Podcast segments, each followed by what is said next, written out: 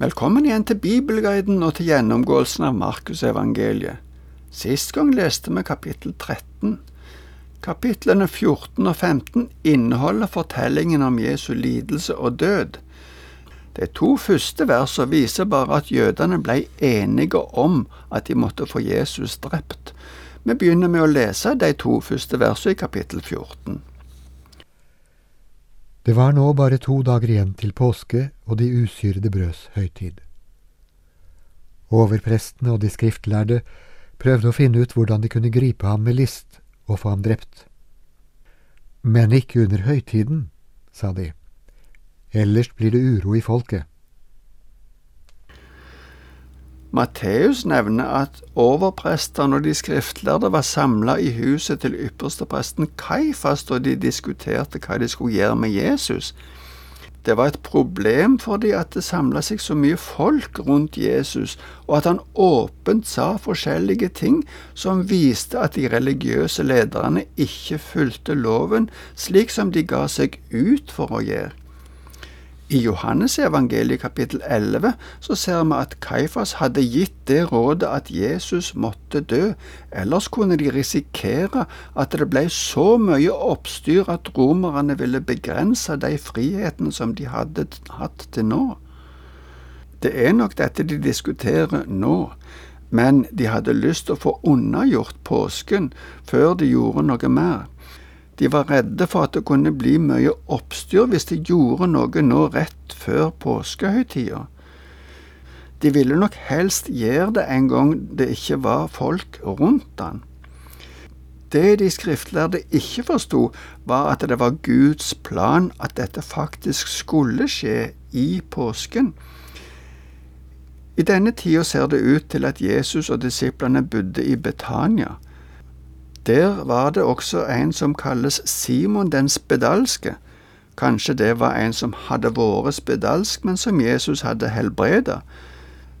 Men Jesus var hos han til et måltid. Vi skal lese det som skjer da, ifra vers 3 til 9. Jesus var i Betania hos Simon den spedalske. Mens de lå til bords, kom det inn en kvinne med en alabastkrukke med ekte og kostbar nardussalve. Hun brøt krukken og helte salven utover hodet hans. Noen som var der, sa forarget til hverandre, Hva skal denne sløsingen med salve være godt for? Salven kunne vært solgt for mer enn 300 denarer og pengene gitt til de fattige. Og de snakket strengt til henne. Men Jesus sa, La henne være, hvorfor plager dere henne? Hun har gjort en god gjerning mot meg. De fattige har dere alltid hos dere, og dem kan dere gjøre godt imot så ofte dere vil, men meg har dere ikke alltid. Hun gjorde det hun kunne. Hun har på forhånd salvet kroppen min til gravferden. Sannelig, jeg sier dere, overalt i verden hvor evangeliet blir forkynt, skal også det hun gjorde, fortelles til minne om henne. Johannesevangeliet sier i kapittel 12 at det var Maria som salva Jesus. Alabast er en gjennomsiktig stein som ble brukt til å lage smykkeskrin og andre verdifulle saker. Nardussalve er en kostbar parfyme som sannsynligvis kom fra India. Den er laget av planter som vokser på Himalaya. Denne parfymen er nevnt også i Salomos høysang. Markus forteller at denne salven ble helt ut over hodet til Jesus.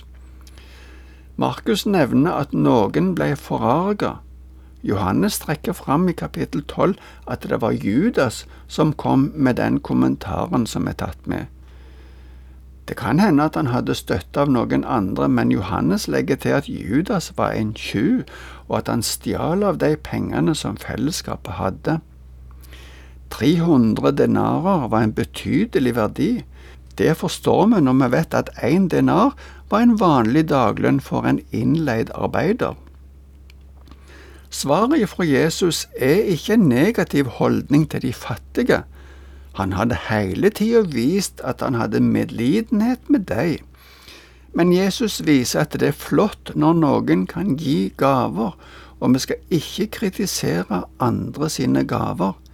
Ingen kjenner motivet til en giver. Bare Gud ser til hjertet, og ser hvorfor en gir en gave.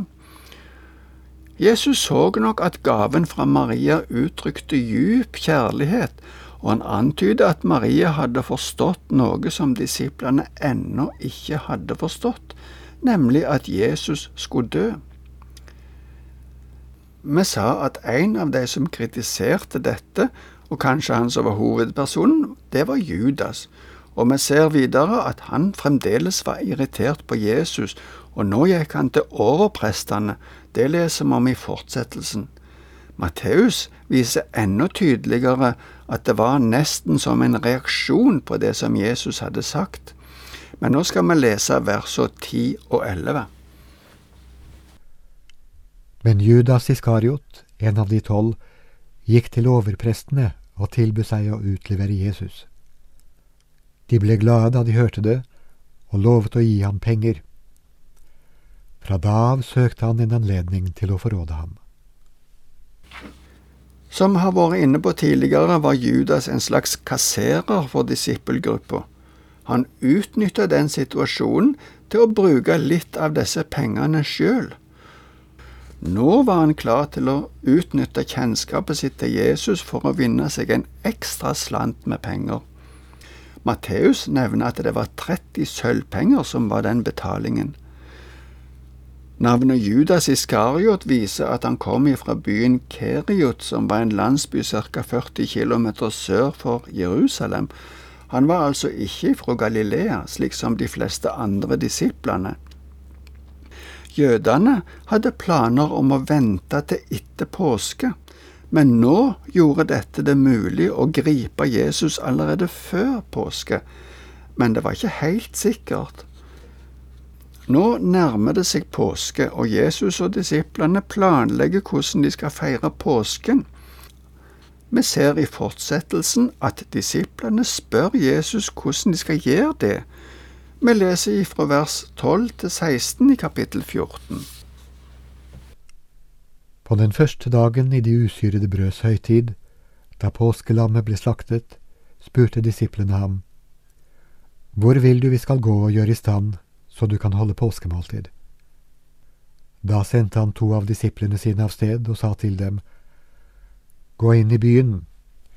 Der vil en mann som bærer en vannkrukke møte dere. Følg etter ham og der han går inn, skal dere si til eieren av huset, Mesteren spør, hvor er rommet der jeg kan holde påskemåltid med disiplene mine? Da skal han vise dere et stort rom ovenpå, gjort ferdig med tepper og puter. Der skal dere stelle i stand for oss. Disiplene gikk da av sted og kom inn i byen. De fant det slik som han hadde sagt, og de gjorde i stand påskemåltidet. Vi ser at Jesus også nå vet alt som skal skje. Alt er lagt til rette. Det var nok ikke mange menn som bar vannkrukker, det var helst kvinnene sitt arbeid. Derfor var det lett å lokalisere denne mannen og følge etter han.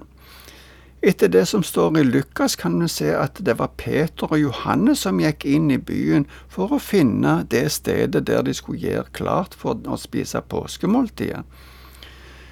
De skulle bare spørre eieren av huset hvor det rommet var, som tydeligvis allerede var klart for Jesus. Selv om identiteten til huseieren ikke er nevnt, er det noen som mener at det kan ha vært far til Markus. Det blir sagt at det var et rom ovenpå. Tradisjonen sier at det er det samme rommet som blir kalt Den øvre sal, og som er det stedet der disiplene holdt til etter at Jesus var død, og fram til pinse. I vers 51, som vi kommer tilbake til etter hvert, står det om en ung mann som ser ut til å være en utenom disippelflokken. Det antas at det er Markus. Alt skjedde slik Jesus hadde sagt, og så gjorde de i stand påskemåltidet. Seinere på kvelden kom Jesus og disiplene.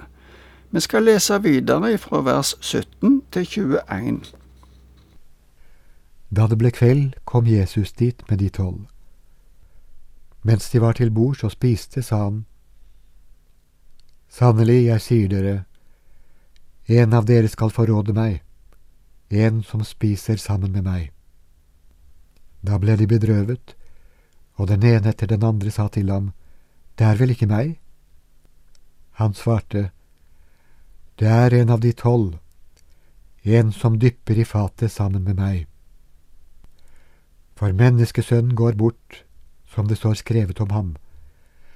Men ved det mennesket som forråder menneskesønnen, det hadde vært bedre for det mennesket om det aldri var født.